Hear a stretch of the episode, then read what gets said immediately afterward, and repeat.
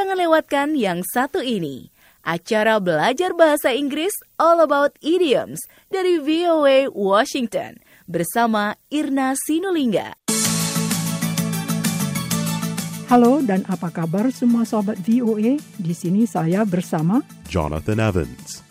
Welcome, friends, to All About Idioms. Acara ini khusus membahas idiom bahasa Inggris yang umum dalam tulisan dan percakapan orang Amerika sehari-hari. Idiom adalah sekumpulan kata yang punya arti tersendiri, jadi tidak bisa diterjemahkan secara harfiah.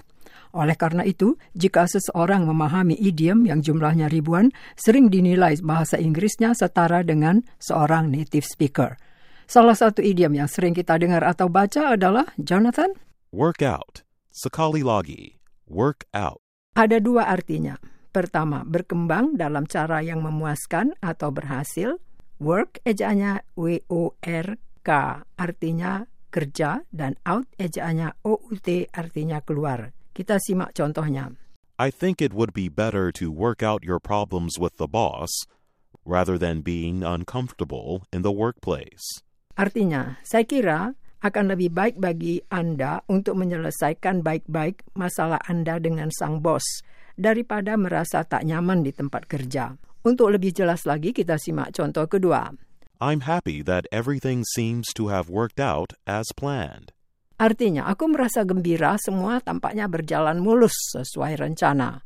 Workout juga bisa berarti melakukan aktivitas fisik seperti jogging atau berjalan kaki di treadmill angkat besi, aerobik, dan sebagainya di fitness center.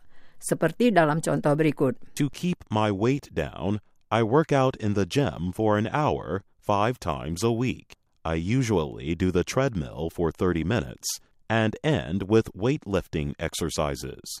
Artinya, untuk menjaga berat badanku tidak bertambah, aku melakukan aktivitas fisik di fitness center selama satu jam lima kali seminggu.